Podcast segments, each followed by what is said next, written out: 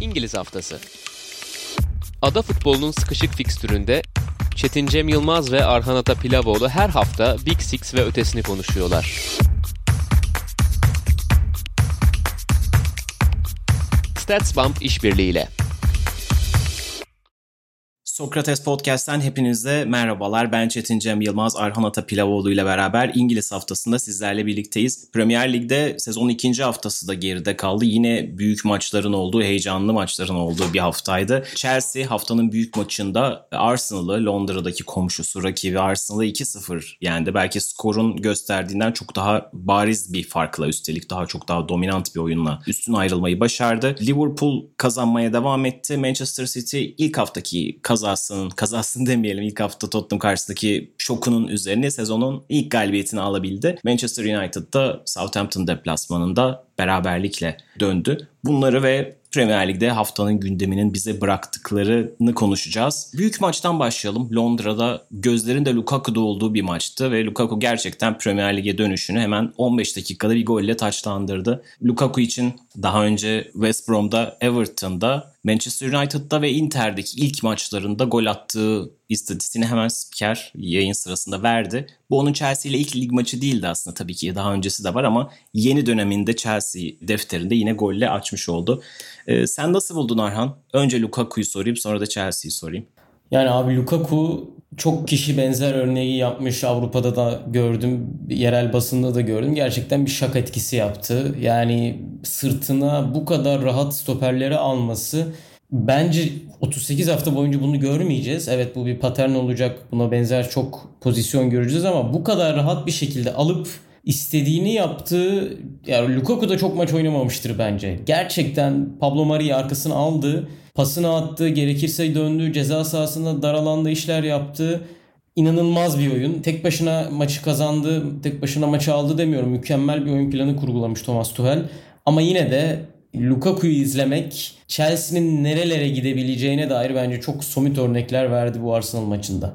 Evet yani Chelsea'nin hep konuşuyorduk en büyük eksiklerinden bir tanesiydi. O ortadaki o parçayı o 9 numara pozisyonu öyle değerli bir ek oldu ki hani geçen sene mesela hatta son iki sezon Olivier Giroud gibi artık hani belli bir yaşın ilerisinde olan ve hani bitiriciliği her zaman çok istikrarlı olmayan bir oyuncu bile oraya girdiğinde bir fark yaratıyordu. Şimdi Lukaku gibi gerçekten o pozisyona getirebileceğiniz en iyi oyunculardan bir tanesini aldınız. İşte Arsenal savunmasını gerçekten darmadağın etti. Dediğin gibi Pablo Mari'yi çok çaresiz bıraktı. Tek başına bence Pablo Mari'ye bırakılması da biraz hata oldu. İşte Kieran Tierney ona yardıma gelmeye çalışırken bu sefer sağ tarafta çok büyük boşluklar kaldı ve Reece James maçın yıldızlarından bir tanesi oldu. Yani Arsenal'ın kendi adına da çok büyük hani sanki problemleri vardı taktik anlamında yetişemediler ama gerçekten fiziksel olarak da oyun aklı olarak da Lukaku Lukaku ile baş etmekte çok zorlandı Arsenal. Herhalde yani Lukaku olmasaydı da Chelsea bu maçı yine kazanabilirdi. Çünkü Arsenal hiç ışık vermiyor. Fakat öyle bir eklenti oldu ki gerçekten hani haksız rekabete doğru gidiyor. Gerçekten tam senin dediğin gibi Shaq için hep söylenen o 2000'lerin başındaki özellikle 90'ların sonundaki hali çok dominant, oyunu gerçekten domine eden, kendine göre şekillendiren bir oyuncu olarak bilinir ya. Maçtan sonra da kendisine şöyle soruldu. Hani bugünkü performansını nasıl tarif edersin dedi. Gülümsedi ve dominant dedi. Yani İngilizce'de birebir dominant dedi. Ve haklı. Yani bu bir kibir değil. Gerçekten çok isabetli bir yorumdu yani bence de. Biraz Arsenal'da konuşalım istersen. Arsenal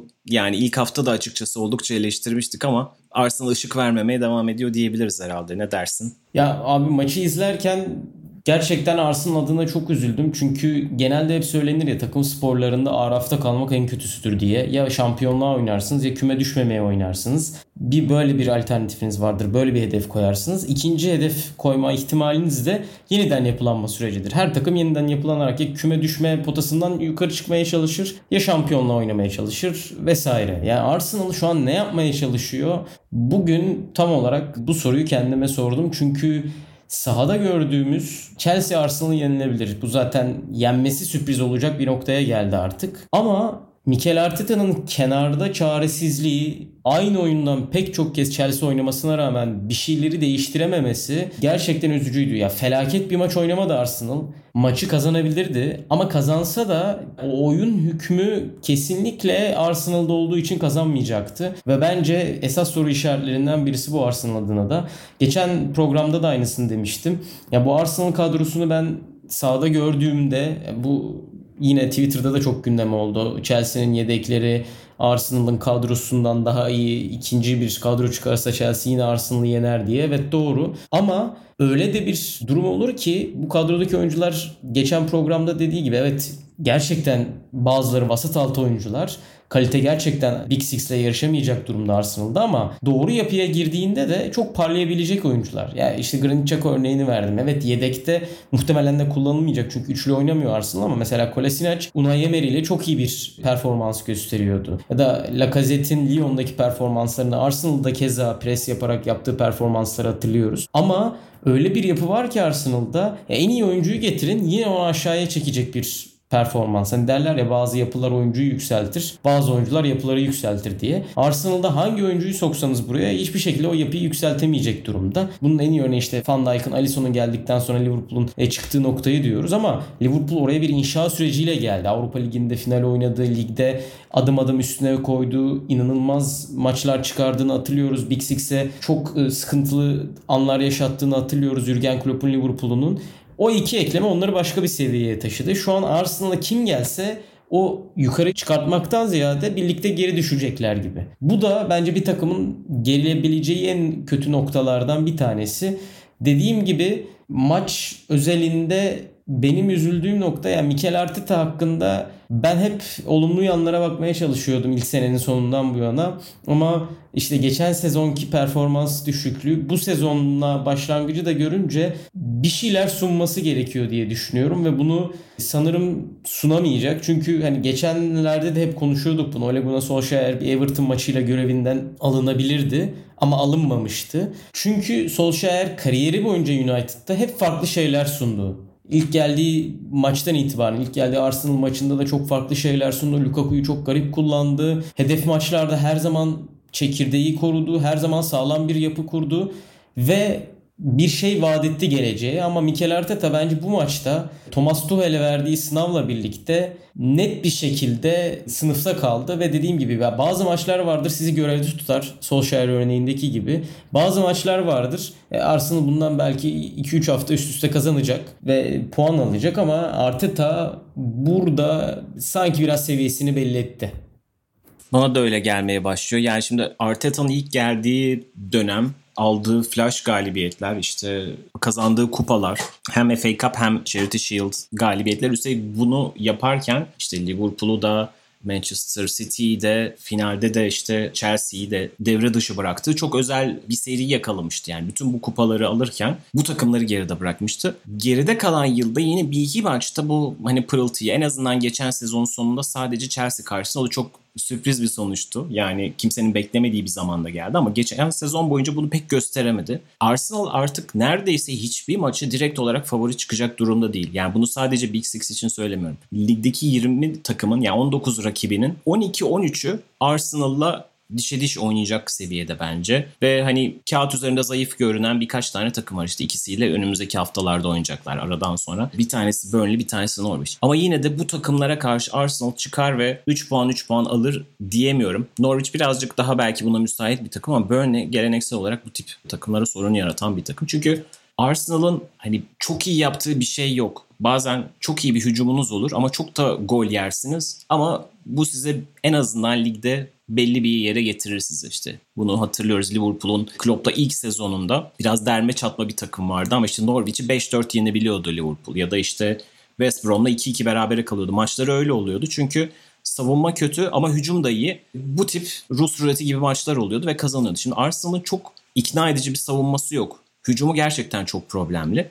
Hani bazı maçları savunmanızla kazanırsınız. Ligde bunu çok iyi yapan takımlar da var. İşte en iyi örneği Burnley yıllardır bildiğimiz gibi. Hani kalesini gole kapatıp mümkün olduğu kadar direnip o puanı çıkartan takımlar. Arsenal işte bunların ikisini de yapamıyor ve gerçekten ligdeki hiçbir takıma karşı Arsenal bu maçı direkt kazanır 3 puan alır yoluna devam eder diyemiyorum. Ya bu şey demek değil bütün maçları kaybedecek demek değil ama gerçekten sahaya çıkmadan önce favoridir bir Big Six takımı. Yani şu anda Arsenal'la Tottenham arasındaki makas bile açılmaya başladı. Hani bize ilk dörtle makas açıldı diyorduk da Arsenal onun da gerisinde kalmaya başladı bence. Çünkü Tottenham da bir maça çıkarken en azından kafada rakibine otoritesini hissettiriyor bence mesela. Ama Arsenal bunu yapamıyor. Çok fazla eksik var bu arada. Sadece yani Arteta elindeki malzemelerden de ben açıkçası çok umutlu değilim ama bu Arteta'nın sorumluluğunu da pek aklamıyor. Çünkü çok ciddi harcamalar yapılıyor bu takıma ve sırf bu yaz periyodunda hani Ben White'a 50 milyon Aaron Ramsdale 30 milyon verilmesini ben anlamış değilim. Yani şöyle olur kalecinizde ve savunmanıza 80 milyonu ne zaman verirsiniz? İşte Liverpool gibi bahsettiğin işte Van Dijk, Alisson örneği ya da işte Manchester United gibi Harry Maguire gibi yani oraya çok kritik bir parça koymanız gerekiyordur ve o sizi bir üst seviyeye çıkartacaktır. O zaman bunu yaparsınız. İşte Manchester City'nin beklerine ya da stoperlerine 50 milyon 60 milyon vermesi gibi. Çünkü sizin için o parça bir tek o lazımdır yani. Dolayısıyla karşıdaki de bunu gördüğü için sizden çok daha fazla para ister falan. Ama Arsenal'ın elinde geliştirilmesi gereken neredeyse 11 tane pozisyon varken bir kaleci yedeğine ya da işte belki ilk 11'de kullanmayı düşünüyorlardır bilmiyorum ama ve stopere bu kadar para dökmesi gerçekten aklım almıyor. Çünkü bu takımın acil şekilde gol atması gerekiyor. Şimdi ufak bir tabloyu önüme açıyorum. Ligde hala gol atmayan, ikinci hafta sonunda hala gol atmayan takımları söyleyeyim. Arsenal, Norwich City, Wolverhampton, Crystal Palace. Ligde 4 tane gol atamayan takım var. Birisi Arsenal. Puansız da 5 takım var. Onun da bir tanesi Arsenal. Yani acilen gol sorununu çözmesi gereken bir takımda ve hani sadece striker pozisyondan bahsetmiyorum. Hadi Aubameyang'la bazı problemler yaşadıkları ve onun rotasyonun yavaş yavaş hani kenarda kaldığı, üstelik çok ciddi kontratı nedeniyle elden çıkarılamadığı da bir gerçek ama hani Lacazette ve Aubameyang bu sezonu size götürür. Yani Arsenal'ın en kalbur üstü pozisyonu orası belki. Ama önemli olan o top oraya nasıl gelecek? Arsenal'ın en büyük problemi buyken bütün yaz yapılabilen tek hamlenin işte oraya işte Odegaard olması falan gerçekten çok düşündürücü. Yani Arsenal'ın kadrosuna da kağıt üzerinde baktığımda hiç çıkamıyorum işin içinden. Eldeki teknik adam da bu malzemeden çok anlamlı bir bütün yaratabilecek görüntüyü bir buçuk sezondur vermiyor bize. E, haliyle çok umut verici bir tablo olarak görmüyorum ben Arsenal'ın durumunu. Kesinlikle öyle abi. Yani benim Arteta eleştirim burada şuradan geldi açıkçasını söylemek gerekirse. iki şey. Birisi senin bahsettiğin bu takım gerçekten çok harcama yaptı bu sene. Ve bir oyuncuya 50 milyon verdi. Bir oyuncu 30 milyon verdi ve 30 milyon verilen oyuncu yani Leno tartışabilirsiniz ama Arsenal'ın en büyük sorunu Leno mu? Bence değil. Ya 30 milyon da çok az bir para da değil. Evet gidip bir kadroyu tamamen yenileyemezsiniz ya da bir yıldız oyuncu getiremezsiniz doğru. Ama en azından belki bir oyuncuyu daha satarak 60 milyona mesela farklı bir e, noktaya taşıyacak oyuncuyu getirebilirsiniz. Hep konuşulan bir nokta var ya evet Manchester City para harcıyor ama doğru para harcıyor. Manchester United da Mourinho döneminde çok para harcadı. Van Hal döneminde çok para harcadı. David Moyes döneminde para harcadı. Ama işte ancak şampiyonluk adayı Ferguson'dan sonra bu sezon konuşulmaya başlandı. Yani doğru para harcamak da çok önemli. E doğru parayı harcamak elbette ki sadece teknik direktörün yaptığı bir şey değil. Ama onun da rolünün olduğunu söylemek çok yanlış olmaz ki. Ramsdale transferini tamamen Arteta'nın istediği söyleniyor. Yani kalede bir rekabet yaratmak amacıyla 30 milyonluk bir transfer yapmak gerçekten ilginç. İkinci nokta ise şuraya geleceğim. Yani e, Solskjaer örneğinde verdiğim gibi bazı hamleler sizi görevde tutmanıza yardımcı olabilir. Bazı maçlarda işte görevden alınmanıza da neden olabilir. Bence Chelsea maçı tamamen öyle bir maçtı. Çünkü yani Lukaku merkezinde oynanan oyuna Mikel Arteta hiçbir şey yapamadı. Yani top Lukaku'ya gitti. Sağda Mason Mount sol beki Kieran Tierney'i orada tehdit etti. Onunla eşleşti. O içe girdikçe Tierney daha çok içe girdi ve Mount'un içe girmesiyle birlikte Reece James sağ koridoru inanılmaz rahat bir şekilde kullandı. Ve bu gerçekten ilk 45 dakikada 4-5 kere gördük herhalde bu pozisyonu. Bunu Mikel Arteta'nın görmeme ihtimali elbette yok. Analiz ekibinin görmeme ihtimali elbette yok. Muhtemelen soyunma odasında da bununla ilgili bir şeyler konuşmuşlardı ki ikinci yarıda biraz daha iyiydi takım o açıdan. Fakat yani buna ilk 20 dakika içerisinde pozisyonlar durmadan cereyan ederken bir şeyler yapılmamış, yapılamamış olması beni çok soru işareti içerisinde bıraktı. Yani ilk golü yedikten sonra belki orta sahadan Çaka'yı çekerek ki Emery döneminde oynamışlığı var. Sol bek dahi oynamışlığı var. Stoper oynamışlığı da var. Belki onu stopere çekerek bir üçlü yapsaydı, Saka'yı kanat beki yapsaydı ve 5'e 5 eşleşseydi Chelsea ile e, çok daha farklı şeyler olabilirdi diye düşünüyorum. Çünkü golde de yine dediğim gibi Lukaku Pablo Mari'yi çekti. Mount Tierney zaten birbiriyle eşleştiği için Tierney içte konumlanmıştı. Kanadı tamamen boş bırakmıştı. Ve Reece James o sağ koridoru mükemmel bir şekilde kullanarak ceza sahası içerisine girdi. Ve e, Lukaku bomboş kaleye golünü attı. Yani bu dediğim gibi 45 dakikanın bütün görüntüsü sadece sağ Reece James ile alakası yok. Ya Havertz de derine geldi, Mount da derine geldi. Ve James Alonso çok geniş kalarak bütün Arsenal savunmasını allak bullak etti. Buna bir maç içerisinde çözüm bulamamak benim gerçekten pek anlamlandıramadığım bir şey oldu. Ben asla görmemiştir, etmemiştir demiyorum. Bizim gördüğümüzü 100 kere görüyorlar. Görmediğimiz 500 şeyi görüyor teknik direktörler ama bunu görüp bir şey yapmamak ya dediğim gibi eğer üçlü bir savunmaya dönseydi çünkü o tam Euro 2020'de Almanya Portekiz maçı aklıma geldi benim ya. Evet Bernardo Silva geri dönüyor. Evet Bukayo Saka geri dönüyor ama içeride konumlandığı için bek e, kanat tamamen e, kanat bekine kalıyordu ona bir çözüm bulamayışı beni gerçekten hayal kırıklığına uğrattı Mikel Arteta ile ilgili ve orada belki bir üçlüye dönseydi, Saka'yı birebir eşleştirseydi Reece James'le ben o bir biri bulabileceğini düşünüyorum. Çünkü her şeye rağmen mesela Brentford 2-0 mağlup olmuş Arsenal işleri iyi gitmiyor. Taraftar durmadan eleştiri yapıyor, tepki gösteriyor. Kadro hiç iyi değil. Arteta güven oyunu bir türlü alamıyor. Ama ona rağmen sağdaki taraftar çok iyiydi bence. Gayet ilk dakikalarda çok iyiydi. 0-0'da çok iyiydi. 1-0 sıfırdan sonra bir reaksiyon verebilseydi Arsenal bence 1-1 bulabilirlerdi. Çünkü genelde Emirates'te oynanan derbilerde Arsenal kötü de oynasa bir şekilde tepkiyi verebiliyor. Ya da iyi oynadığında çok farklı sonuçlar alabiliyor. 3-0'ları hatırlıyoruz Chelsea'ye Tottenham'a karşı. Bu yüzden tamamıyla Mikel Arteta benim için bugün bir hayal kırıklığı oldu. Evet yani Arsenal'da evet en büyük beni şaşırtan şey şu oluyor. Yani bu bahsi kapatırken Arsenal'da sanki bir halden memnun niyet var gibi geliyor. Oyuncularda da Arteta'nın basın toplantılarında da şüphesiz yani bir rahatsızlık vardır. Ama sanki çok da bir sorun yokmuş gibi, işler yolunda gidiyormuş gibi bir ruh hali var. Oyuncularda da, teknik direktörde de. Yani bunu sadece satır aralarından ya da oyuncuların işte vücut dillerinden, ifadelerinden biraz çıkartıyorum. Belki doğru bir tespit değildir ama hani biraz klişe olacak o isyanı da görmüyorsun. Çünkü Arsenal aslında bunlara alışması çok da kolay olmayan bir takım. Premier Lig tarihinin en başarılı takımlarından birinden bahsediyoruz. Bu arada bir hata yapmışım. Norwich ve Burnley maçları milli aradan sonra, milli araya girmeden önce gelecek hafta Manchester City ile oynuyor Arsenal. Yani yenilgi serisinin devam etmesi de muhtemel ama tabii ki Arsenal'ın birkaç tane böyle ilginç reaksiyon verdiği maçı da hatırlıyoruz. O yüzden ilginç bir karşılaşma olacak gibi. Oradan Premier Lig'in bu haftaki diğer mutlu takımına Liverpool'a dönelim diyelim. Liverpool'la dair aslında belki kağıt üzerine çok fazla konuşacak şey yok gibi oyuna dair. Çünkü hani net ve temiz çok başı ağrıtmayan bir galibiyet oldu Liverpool adına Burnley karşılaşması ki zaman zaman Liverpool'a sorun çıkaran takımlardan birisidir Burnley. Mesela Manchester City Burnley'i yener ama Liverpool hep o takılır. Özellikle deplasmanlar, Turf Moor'daki maçlar hep çok problemli olurdu. Fakat Liverpool adına mutlu bir gündü çünkü 18 ay sonra Anfield ilk kez doluydu ve Liverpool adına yani her takım tabii ki seyircisiyle bir başka oluyor ama Liverpool'u Anfield'da kendi seyircisinin önünde izlemek gerçekten başka bir deneyim. Çünkü hani onun nasıl performansı, ambiyansı yükselttiğini görüyorsunuz. Benim Liverpool'la ilgili en büyük şeylerimden bir tanesi Liverpool'un o kötü geçirdiği sezondaki tabii ki en büyük pay sakatlıklardaydı. Şampiyonluk sonrası takım belki mental olarak biraz da platoya da çıkmıştı ve seyircisiz oynanan senede bunun üstüne hani hani tüy dikti gibi olmuştu yani. Çünkü bütün bunları görünce Liverpool'un o itici gücü Anfield taraftarı olmayınca Liverpool'da bir sanki amaçsızlık hasıl olmuştu gibi geliyor bana.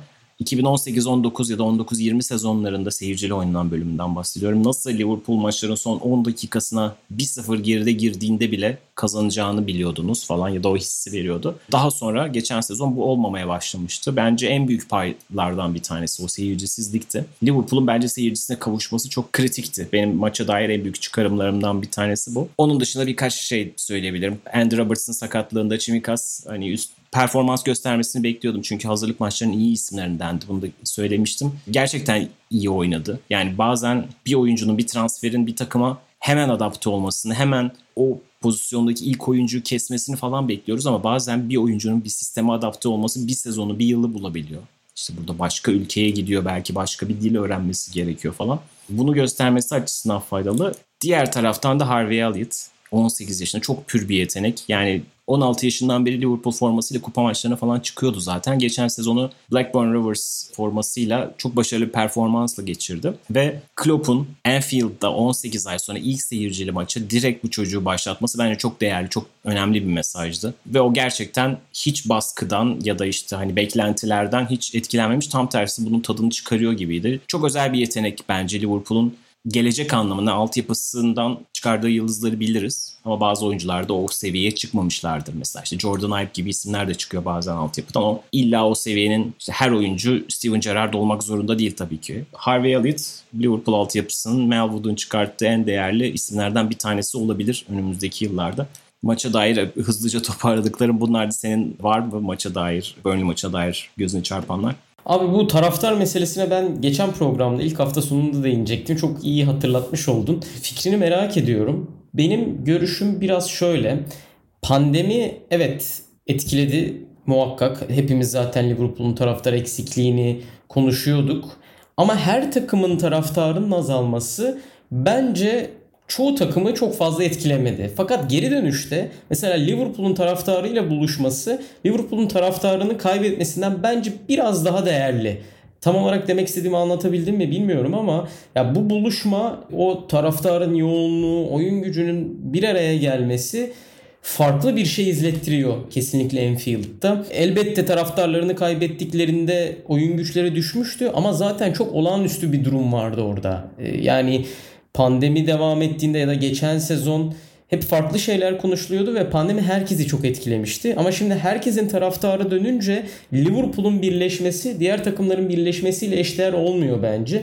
Ve Liverpool bu sezon o çok özlediği taraftarını da gerçekten bir klişe tabirle 12. adam olarak gösterebilir gibi geliyor bana. İlk olarak onu söyleyeyim. İkinci olarak da o orta saha ile ilgili bir şey diyeceğim ben. Evet Liverpool Anfield'da çok daha farklı oynuyor. Çok daha tempolu oynuyor. Çok daha arzulu oynuyor. Ama ben yine Norwich maçında olduğu gibi Liverpool'un daha zamanının olduğunu düşünüyorum. Çok oyun gücü olarak beklenen seviyede en azından benim beklediğim seviyede değil. Çünkü uzun süredir aslında bu sezonu işaret eden bir yapıda Liverpool. O yüzden ben biraz daha güçlü başlayabileceklerini düşünüyordum ama bu hiç sorun değil. Çünkü rakipleri de aşağı yukarı öyle. Manchester City öyle. Manchester United hala Jadon Sancho'yu tam olarak monte edemedi. Belki Chelsea en hazır takım gibi duruyor şu an. Ama Liverpool'da formunu bulmak için zamana ihtiyacı var. Onların da zamana ihtiyacı var.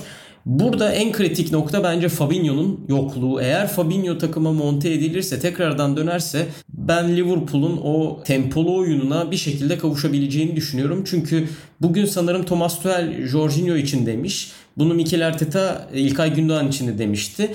Yani çok fazla parlamıyorsun ama başkalarının parlamasına çok fazla yardımcı oluyorsun diye Tuhel'in ve Arteta'nın birebir aynı söz neredeyse. Ben de Fabinho'yu zaten yeri geldiğinde ceza sahası yayından çok parlayabilen bir isim ki Jorginho ve İlkay da aynı şekilde öyle ama 38 haftalık periyotta Fabinho'nun eksikliği örneğin bir Mane yok ne yapacağız gibi ölçülmüyor tabii ki ama bence Fabinho olmadı mı Brezilyalı oyuncu olmadı mı gerçekten Liverpool'un orta sahası o ikinci topları kazanmada, o oyunu rakip ceza sahasına yığmakta çok keskin değil, çok yoğun değil. Çünkü Jordan Henderson savunma önüne geliyor. O geldikten sonra pres gücü biraz daha azalıyor. Naby Keita tam olarak o görevi Wijnaldum'dan aldığı görevi bence hala yerine getirebilmiş değil. O yüzden Fabinho savunma önüne gelirse bence çok daha istenilen Liverpool'u görebilir Jurgen Klopp.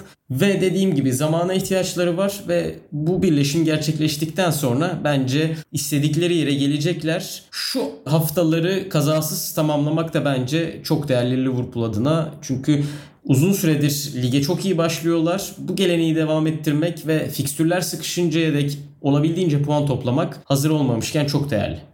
Evet Liverpool sezona 6 puanla başladı. Bu önemliydi çünkü bu hafta yine bir büyük maçla artık hani iyice şeye giriyoruz. Premier Lig'in havasına giriyoruz. Liverpool Chelsea'yi konuk edecek Anfield'da. Cumartesi günü arka arkaya iki tane büyük maç izlemiş olacağız. Gerçekten hani İngilizlerin Super Saturday dediği cinsten bir süper cumartesi yaşayacağız. Yani milli araya gitmeden önce böyle büyük maçların olduğu bir cumartesi gerçekten keyifli ve aynı zamanda işte Premier Lig'de henüz kayıp yapmamış iki tane şampiyonluk adayının karşılaşması da bize bir fikir verecektir şüphesiz. Bu haftanın kayıp yaşayan şampiyonluk adayından bir de bahsedelim. Manchester United Southampton karşısında ilk hafta çok sükseli bir galibiyet almışlardı Leeds United karşısında. Gerçi Leeds United'ın bazen size bunu yaptırabildiğini konuşmuştuk. Çünkü oyun tarzları biraz öyle yani. Ya hep ya hiçe gidebiliyor onların maçları. Çok özel bir Pogba ve Fernandes performansıyla çok farklı bir galibiyet almışlardı. Southampton deplasmanında İlk golü yediler. Açıkçası ben geçen sezonlarda olduğu gibi yine klasik bir Manchester United geri dönüşü yaşayacağız. İkinci yarıda United geri dönüp maçı alacak diyordum. Fakat Southampton maçta kalmayı başardı. Nasıl buldun diyeyim Southampton Manchester United maçını? Abi bence güzel bir maçtı. Southampton klasiklerinden, alameti farikalarından pres oyununu United'a karşı iyi uyguladı ve United'ın e, geçen programda da konuşmuştuk. Bu tarz takımlara önüne basan iyi savunma yapabilen takımlara karşı ve golü bulduktan sonra da derinde bekleyen takımlara karşı neler yapabileceği şampiyonluk adayı olup olmayacağını belirleyecek diye konuşuyorduk. Aslında o açıdan böyle bir maçtı. Fakat yine ben kritere pek alamıyorum. Çünkü bu maçlar bence 0-0'da çok değerli. Zira Manchester United gol yedikten sonra sanki gol atmış gibi daha bir iştahlanıp 2'yi 3'ü bulabiliyor. Geri dönemediler ama eşitliği sağladılar ki bu da bence sezon başı için çok değerli. Southampton ne olursa olsun sıkıntılı bir deplasman. Liverpool sıkıntı yaşamıştı geçen sezonlarda. O yüzden buradan bir puan almak bence değerli. Oyun açısından konuşursak da dediğim gibi Southampton'ın presi özellikle orta blokta çok iyi yapabildiği bir şey. Oradan kazandığı toplarla Armstrong ve Cenepo ile de hızlı çıkabiliyorlar. Kaleye çok hızlı hücum edebiliyorlar. Bu açıdan Manchester United'ın iyi bir şekilde topa sahip olması gerekiyordu. Doğru muhafaza etmesi gerekiyordu topu ve iyi bir genişlik katması gerekiyordu oyuna. Bu genişliği e, Greenwood ve Pogba ile sağlamaya çalıştı Ole Gunnar Solskjaer. Greenwood'u merkezden kanada çekti. Ama bence istediğini tam olarak orada alamadı. Ne genişliği tam sağlayabildi ne de merkezde Greenwood'un e, Leeds United maçında derine inip bağlantıyı sağladığı gibi ya da uzun toplarla etkili olduğu gibi etkili olabildi Anthony Martial. İlk yarı bittiğinde 10 kez topla buluşmuştu. Geçen hafta çok kötü performans gösteren bir isim Ferran Torres Tottenham maçında ilk yarı sonunda 9 kere topla buluşmuştu. Çok benzer performanslar. Maç içerisinde dribbling atmaya çalıştığında, çalım atmaya çalıştığında da istediği ritimde olmadığını gördük. Evet sezon başı normal ama dediğim gibi o Greenwood'un merkezde verdiği etkiyi Anthony Martial'e veremedi. Zaten Sancho ile değişti. Sancho kenara Greenwood merkeze geçti. Ondan sonra tekrar United biraz daha hareketlendi. İki çıkarım yaptım maçtan açıkçası. Ceza sahası içerisinde United sanki geçen sezona nazaran oldukça hareketli ve fazla adamla girip çıkabiliyor rakip ceza sahası içerisinde. Bunda Pogba'nın varlığı bence çok önemli. Çünkü Leeds'in adam adama savunmasından dolayı çok boş pozisyonlarda kaldığını konuşmuştuk. Fakat biraz bu da bence bu maçla birlikte bunu düşünmeye başladım. Pogba'nın pozisyonsuz oyunu da rakipler için adam adam olmasa dahi gerçekten zorlayıcı olabiliyor. Çünkü dar alanda çok etkili bir oyuncu. Golde zaten bunu gördük ama geniş alanda da fiziğiyle ya bekin çıkmasını da sağlıyor ya da işte Bruno Fernandes'in o boşaltılan alanlara girmesine yardımcı olabiliyor. O açıdan Paul Pogba formda olduğu sürece Manchester United'ın bu kapalı takımlara karşı da kesinlikle sunabilecek bir kartı olacak. Çünkü dar alanlarda olağanüstü işler yapmaya devam ediyor Paul Pogba. Evet United'ın herhalde o santrfor pozisyondaki eksiği geçen sezon zaten orada dönüşümlü olarak Cavani kullanıyorlardı, Martial'i kullanıyorlardı. Rashford bir dönem oradaydı işte Greenwood oradaydı. Bu sene şu ana kadar ya Martial de daha yeni döndü sakatlıktan. Cavani deseniz o da yok. Rashford da yok. Haliyle orada bir eksiklik olması doğal.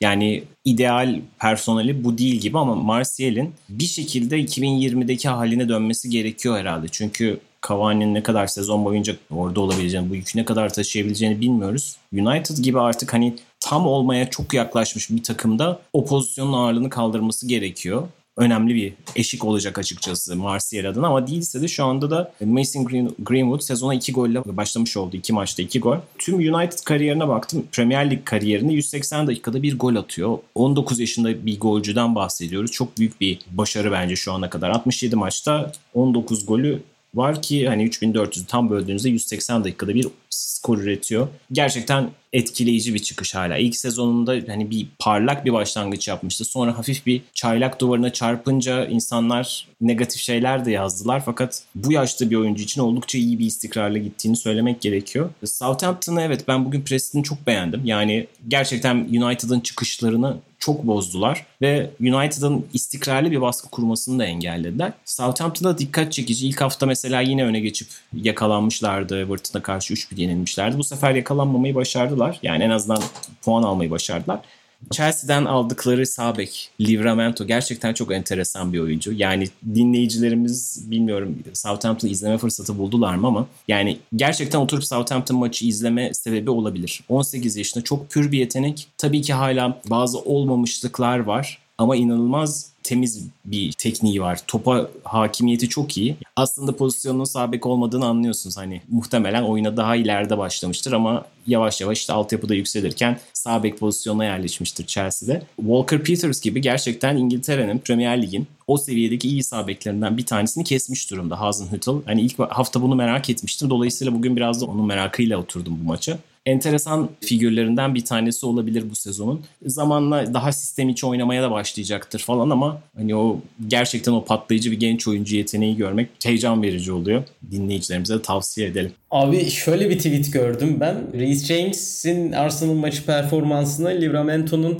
şöyle aslında öncesinde bir bilgiyi vereyim. Chelsea altyapısından transfer ediyor Southampton Livramento'yu ve Chelsea'li taraftarlar United maçını izledikten sonra Twitter'da hep şu geyik döndü ya Livramento'ya biz yeniden alma bonservisi koyduk mu biliyorsunuz zaten Chelsea, Manchester City gibi takımlar oyuncuyu tekrardan kadrosuna katmak için belli bir bonservis bedeli imzalatıyor kulüplere. Bu böyle bir bedel koyduk mu Southampton'a diye pek çok tweet atmışlar performansı gördükten sonra. Hatta Reece James'in de bu tweetlere işte kızdığı ve Arsenal maçında o yüzden inanılmaz bir performans gösterdiği ne dair pek çok tweet vardı Chelsea taraftarlarından. Ben şu açıdan Reece James'e de aslında biraz benzettim. 46'da Volkot'u çıkarıp Bednareg'i aldı Hazenhutl. Çünkü çok kötü bir hava topu hakimiyeti vardı. Manchester United herhalde her duran topta kafayı vurdu. Üçledi orayı. Kanat beki olarak da ikinci yarı çok iyi oynadı. Evet çok zor bir şey değil bekten kanat bekine oynamak maç içerisinde uzun vadede zor bir şey. Ama onu da gerçekten kusursuz oynadı Livramento. Ben de Southampton maçlarını onun için izlemeye başlayabilirim açıkçası ilerleyen haftalarda. Evet gerçekten bu sezonun ilginç figürlerinden bir tanesi olacak gibi. Doğal sayılar. Programın bu noktasında Manchester City'den bahsedelim ve doğal sayılara geçelim. Bu hafta doğal sayılarda Manchester City'ye dair bir e, sayımız var galiba değil mi Arhan? Evet öyle abi. Norwich City maçından biraz konuşacağız doğal sayılarda. Çünkü doğal sayımız bu hafta 47. Norwich maçında Manchester City'nin rakip ceza sahasında topla buluşma sayısı bu sayı. Aslında maç öncesi de maçı izlemeden önce de tam bir Manchester City iç saha maçı gibi geliyordu bana. İşte Watford'a 8 attıkları, Norwich'e 5 attıkları maçları hatırlıyoruz zaten Etihad'da. Çok benzer bir karşılaşma olur diye düşünüyordum ki öyle de oldu erken gol bulduğunda Manchester City'nin gerçekten keyfine diyecek yok. Geçen sene ilk 10-12 hafta haricinde Pep Guardiola geldiği günden bu yana erken gol bulduğunda rakip takım kim olursa olsun vitesi ya yani birden 3'e atıyor. Birden 2'ye atmıyor City. O da bu maçlardan biriydi kesinlikle.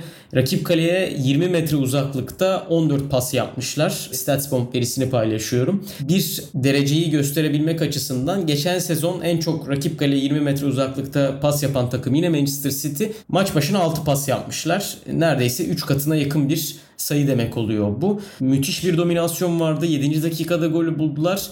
Tüm bunlara ek olarak bir de Gabriel Jesus'un performansını herhalde e, burada konuşmamız gerekir. Çünkü ilk 11 geldiğinde ben Torres sağda ki çok oynadı geçen sezon. Solda Grealish ortada Jesus oynayacak diye düşünüyordum. Fakat Pep Guardiola yine şaşırttı ve Torres'i Tottenham maçında olduğu gibi merkezde başlattı. Grealish'i sola Gabriel Jesus'u sağa koydu. Guardiola'nın kanatta Jesus'u denediğini çok maçta hatırlıyoruz. Sağ kanatta da oynamıştı sanırım bir iki maç. Ama çoğunlukla soldan topu alıp içeri kat eden ya da geçiş hücumlarında solda bekleyip merkezde oynasa dahi Real Madrid deplasmanı, Manchester United deplasmanı bunları göstermişti.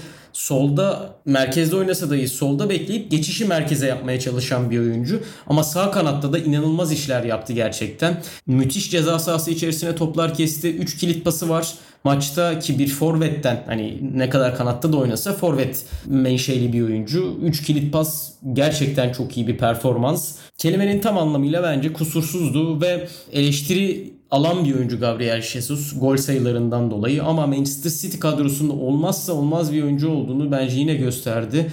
Çünkü forvet oynuyor. Gol sayıları gayet yeterli bence bir ikinci forvet için. Sonuçta az forveti değil Manchester City'nin. Gerekirse kanattan geliyor, oynuyor. Sağ kanatta oynuyor, sol kanatta oynuyor. Pres gücü çok iyi, bağlantı oyunu çok üst seviyede. Geniş alanda da farklı işler yapıyor. Evet 20 gol atmıyor belki ama 20 gol atmadığı geri kalan her departmanda sanki 20 gol atıyormuşçasına bir performans gösteriyor Brezilyalı oyuncu ve bu Norwich maçı da sağ kanatta gerçekten yeri geldi kendini unutturdu. Yeri geldi birebir de adam geçerek ceza sahası içerisine girdi. Sert ortalığıyla yaya doğru açtığı ortalarla mükemmel bir oyun çıkardı. Burada Guardiola'nın muhtemelen sol kanatta oyunu yıkıp sağ kanada Jesus'a topun döndüğü ve oradan e, onun gol katkısına gelebilecek bir plan diye düşünmüştüm ben ama Jesus'la da çok fazla oynadı City. Çünkü maç içerisinde Grealish'in e, ve İlkay'ın o sol kanadı tamamen tehdit haline getirip e, sağ kanatta boşluklar yaratabileceği anlar da oldu. Ama dediğim gibi birebirde de Gabriel Jesus bireysel yeteneğiyle mükemmel bir iş çıkardı gerçekten. Evet ilk hafta mesela City'ye dair konuştuğumuz şeylerden bir tanesi özellikle maçın ilk 15 dakikasına yakaladıkları fırsatlar ve çevirememeleriydi. Şu anda Manchester City'nin belki de kadrosundaki en büyük problem hani bir golcü pür 9 numara bunlardan bahsetmiştik. Ferran Torres'in ilk haftaki başarısız performansından dem vurmuştuk. Norwich karşısında birazcık da hem futbol şansı yanlarındaydı hem de biraz da ortalamalar kalmıştı. İlk maçta girmeyenler de bu sefer girdi ama işte her golde bir şekilde rakibe de çarptı, girdi falan filan ama işte o baskı, yaratılan pozisyonlar kendini gösterdi. Gabriel Jesus da gerçekten hani gol anlamında tabelada adı yoktu ama her pozisyonun içindeydi. Her golde bir şekilde katkısı vardı. E, onun adına birazcık da şeydi. Yani özel bir gün biraz da şanssız işte bir gün oldu. City bahsinde benim söyleyeceklerim bunlar. Birazcık maçlar dışında bir gündemden bahsetmek istiyorum ben. Newcastle United'da bu hafta geçen sene de üstelik Covid'den en çok çeken Premier Lig takımlarından bir tanesiydi. Maçları defalarca ertelenen. Hani Aston Villa ile beraber herhalde en çok oyuncusunu Covid'e kaptıran kulüplerden bir tanesiydi Newcastle. Bu hafta kalecileri Carl Darlow'un Covid geçirdiği ve hastanede yattığına dair işte Steve Bruce'un açıklamaları vardı. Üstelik ondan 10 kilodan fazla kaybetmiş hastanede. Oldukça da ağır geçirmiş ama hastaneden yani taburcu edilmiş. Steve Bruce bir açıklama yaptı. Takımın çok büyük kısmını bazı oyuncuları aşı olmaya ikna edemiyoruz diye açıklama yaptı. Pek çok oyuncumuz aşı olmadı dedi. Bu onların kararı. Bizim iki tane, üç tane çok ciddi hastalık geçiren oyuncumuz oldu. Carl Darlow haftanın yarısını hastanede geçirdi ve ne kadar ciddi olduğunu gördük dedi. Açıklamasında şöyle devam ettiriyor. Diyor ki herkese aşı olmasını tavsiye ederim. Ülkenin bütün önde gelen tıp insanlarının açıklaması da bu yönde. Ama herkes aynı fikirde değil. 20 kişilik bir gruptan bahsediyorsanız pek çok farklı görüş burada olabiliyor diye hani birazcık da farklı görüşler olduğunu söylemiş ama aşı olmasını oyuncularının tavsiye ettiğinden de bahsetmiş. Ama bu enteresan çünkü Premier Lig'de birkaç tane daha doğrusu İngiliz futbolunda birkaç tane daha benzer örnek verilmişti. Guardian haberinden naklediyorum bunu. Solskjaer'in de bu şekilde bir açıklaması olmuş. Bazı oyuncuları aşı olmaya ikna edemiyoruz diye yine isim vermeden bir açıklaması olmuştu. Neil Warnock da Middlesbrough'un hocası şu anda takımdaki çoğu oyuncunun aşı olmayı reddettiğinden bahsetmişti. Bu enteresan bir hikayeye doğru gidiyor. Çünkü yani bu toparlanması komplo teorilerinden bahsetmiş Steve Bruce falan. Bütün bunlarla beraber Carl Darlow hastaneden çıktı ve hani önümüzdeki günlerde tüm tecrübelerini anlatacağı ve insanları Covid aşısı olma tavsiyesini anlatacağı bir basın toplantısı yapacağını söylemiş. Premier Lig adına enteresan. Hani bazı sporcuların da bunu bazı kaygılarla reddettiğini okumuştuk. Bazı oyuncular işte Avrupa Şampiyonası'ndan önce aşı olmayacağım demişti. Sanırım en çok bunu De Jong karşılaşmıştı bununla. De Jong aşı olmayacağını açıkladı fakat sonra tepkiler üzerine aşı olacağım dedi falan. Bu enteresan hikayelerinden bir tanesi günümüzün. Fakat benim açıkçası en çok dikkatimi çeken Steve Bruce'un şu açıklamasındaki şu paradoks oldu az önce naklettiğim. Ülkenin en iyi doktorları bunu tavsiye ediyor. Ama tabii ki herkesin farklı görüşleri olabilir diyor. Yani ben de herkesin farklı görüşlere saygı duyuyorum ama tıp gibi hani uzmanlığa dayalı bir yerde bütün ülkelerin en iyi doktorları bunu tavsiye ederken karşıt görüşü hangi YouTube videolarıyla ulaştığında tabii ki insanların sorgulamıyor değilim. Abi bu konuda benim de en çok ilgimi çeken noktalardan birisi eğer tıp gibi dediğin gibi bilim insanlarının ya da doktorların uzmanlığı hakkında görüşleri de almayacaksak hangi konuda hangi kişilerin uzmanlık görüşünü alacağız? O biraz benim kafamda soru işareti yaratıyor. Yani örneğin bir şefin yemek hakkındaki görüşünü de o zaman uzmanlık olarak almayacağız. Ya da bir teknik direktörün futbol hakkındaki görüşlerini de uzmanlık olarak almayacağız. Zira çünkü bilim insanı ve tıp biraz daha farklı noktalarda sanırım diğer konulara istinaden. Orada da bu işin uzmanlarının görüşünü almamak veya onların dediklerini biraz içe saymak hangi alanlarda uzmanlara güveneceğimiz konusunda da aslında garip bir soru işareti yaratıyor bence. Aynı fikirdeyim. Şimdi futbolla ilgili mesela herkesin bir görüşü olabilir. Evet bence iyi oynadı, bence kötü oynadı falan filan denebilir. Ama tıp gibi çok belirgin uzmanlığı olan bir konuda da sanki konuşmadan önce hani yeterince ara, hani ben araştırma yaptım diyen insanlar var tabii ki ama o araştırmaların nasıl yapıldığı da şüphesiz tıp insanların yaptığı araştırmayla bir değil. Laboratuvarda yapılan araştırmalardan bahsetmiyoruz. İşte YouTube videosu izlemelerden bahsediyoruz. Neyse Darlova geçmiş olsun diyelim. Umarız o ve bütün hepimiz bu Covid denen illeti bir şekilde atlatacağız. Umarım minimum hasarla diyelim. Günlerin köpüğü. Ve günlerin köpüğüne geçelim programın sonunda. Günlerin köpüğünde Burnley'den bir detay var. Liverpool karşısına çıkarken Burnley forma numaralarıyla birden 11'e kadar sahadaydı günümüzde çok fazla rastlanmayan bir şey bu. Özellikle artık hani forma numaralarının sezon başından belli olması ve oyuncuların sürekli o numarayla sahaya çıkması dolayısıyla birden 11'e kadar aynı oyuncuların üstelik pozisyonlarındaki yerleriyle sahaya çıkması çok karşı karşıya kaldığımız bir durum değil. Ben iyi kötü bunun öncesinde hatırlayan birisiyim. Hani eskiden işte forma numaraları en azından 90'larda Türkiye'de bile böyleydi. Hani bir oyun her maçtan önce birden 11'e kadar forma olurdu. Formaların arkasında isim yazılması ve sezon boyunca o forma numarasının oyuncu aloke edilmesi biraz öncelikle Premier Lig'in getirdiği bir şeydi ki benim İngiltere futboluna en ilgi duyduğum yıllarda en çok dikkatimi çeken şeylerden bir tanesiydi. İşte sahada 22 numara, 18 numara, işte 33 numaralı oyuncuların olması falan filan. Ama bütün bunların içerisinde Burnley'nin yaptığı da tatlı bir nostalji oldu. Bir ufak detay hani çoğu insan tabii ki herkes artık hani bu programı da dinleyen futbol severler hangi numaranın nereye işaret ettiğini biliyordur. Hani sağ bek 2, sol bek 3 falan filan diye. Biraz İngiliz futbolunda ufak bir nüans var. İngiliz futbolunda stoperlerin geleneksel numarası 5 ve 6. 4 ise orta sahanın merkezinde. Hani biz de biraz daha kıta Avrupa'sında da sanırım Latin Amerika'da da böyle. Hani geleneksel olarak 6 numara dendiğinde savunma önünde oynayan orta saha oyuncusu canlanır ama İngilizler geleneksel olarak 6 numarayı stopere veriyorlar. Bunun da gelişimi biraz geçmişte kullanılan 2-3-5 sistemiyle alakalı. 2-3-5 sisteminde 2 ve 3 ilk başta geleneksel olarak kalenin önündeki yani iki tane merkez savunmacının numarasıymış. Fakat zaman içerisinde savunma dörtlenince 2 ve 3 kanatlara gitmiş. Ortadaki üçlünün kenarlarındaki 5 ve 6 savunmaya kaymış. 4 orta sahada kalmış. Bu enteresan bir detay. Mesela İngiliz futbolunun en ünlü savunmacılarından Bobby Moore 6 numarayı giyerdi. İşte 1966 yıldızlarından bir tanesi. Veya İngiliz milli takımını eğer Avrupa Şampiyonası Dünya Kupası elemelerinde falan izliyorsanız bir sonraki milli arada muhtemelen yine yapacaklardır. Maçları hala böyle çıkmaya çalışıyor İngiltere. Ve geleneksel olarak işte orta sahadaki mesela işte Declan Rice gibi bir oyuncu 4 numarayı giyiyor. Steven Gerrard eskiden 4 numarayı giyiyordu falan. Stoperler 5 ve 6'yı giyiyor. Böyle ufak bir detay olarak bunu vermiş olayım. Senin sevdiğin numaralar hangileriydi Erhan? Böyle bir sevdiğin formana isim yazdırdığın bir numara var mı? Abi ben genellikle oyuncuları direkt yazdırıyordum. Hani o kulüple bir bağı olsun diye. Ama bazı oyunlarda yeni transfer edilen oyuncuların numarasını Futbol Manager'da, FIFA'da sen belirliyorsun ya. Oralarda genellikle mevkiyle uyumlu olan ya da karakteristik numaralara gitmeyi severdim. Ya örneğin İngiltere'de Gerard 4 giyerdi. O yüzden mesela orta saha ortasında oynayan isimlere 4 vermek nedense çok hoşuma gidiyordu. Ya da kanat oyuncularına 77 vermek, 7 değil de. O tarz şeyleri çok seviyorum genellikle. Hep de düşünürdüm acaba futbolcu olsam hangi numarayı alırdım diye. Muhtemelen 4 ya da 6'yı alırdım orta sahada oynuyor olsaydım. Dediğim gibi bu tarz biraz da karakteristik şeyler vermeyi ya da almayı seviyorum forma numaralarında.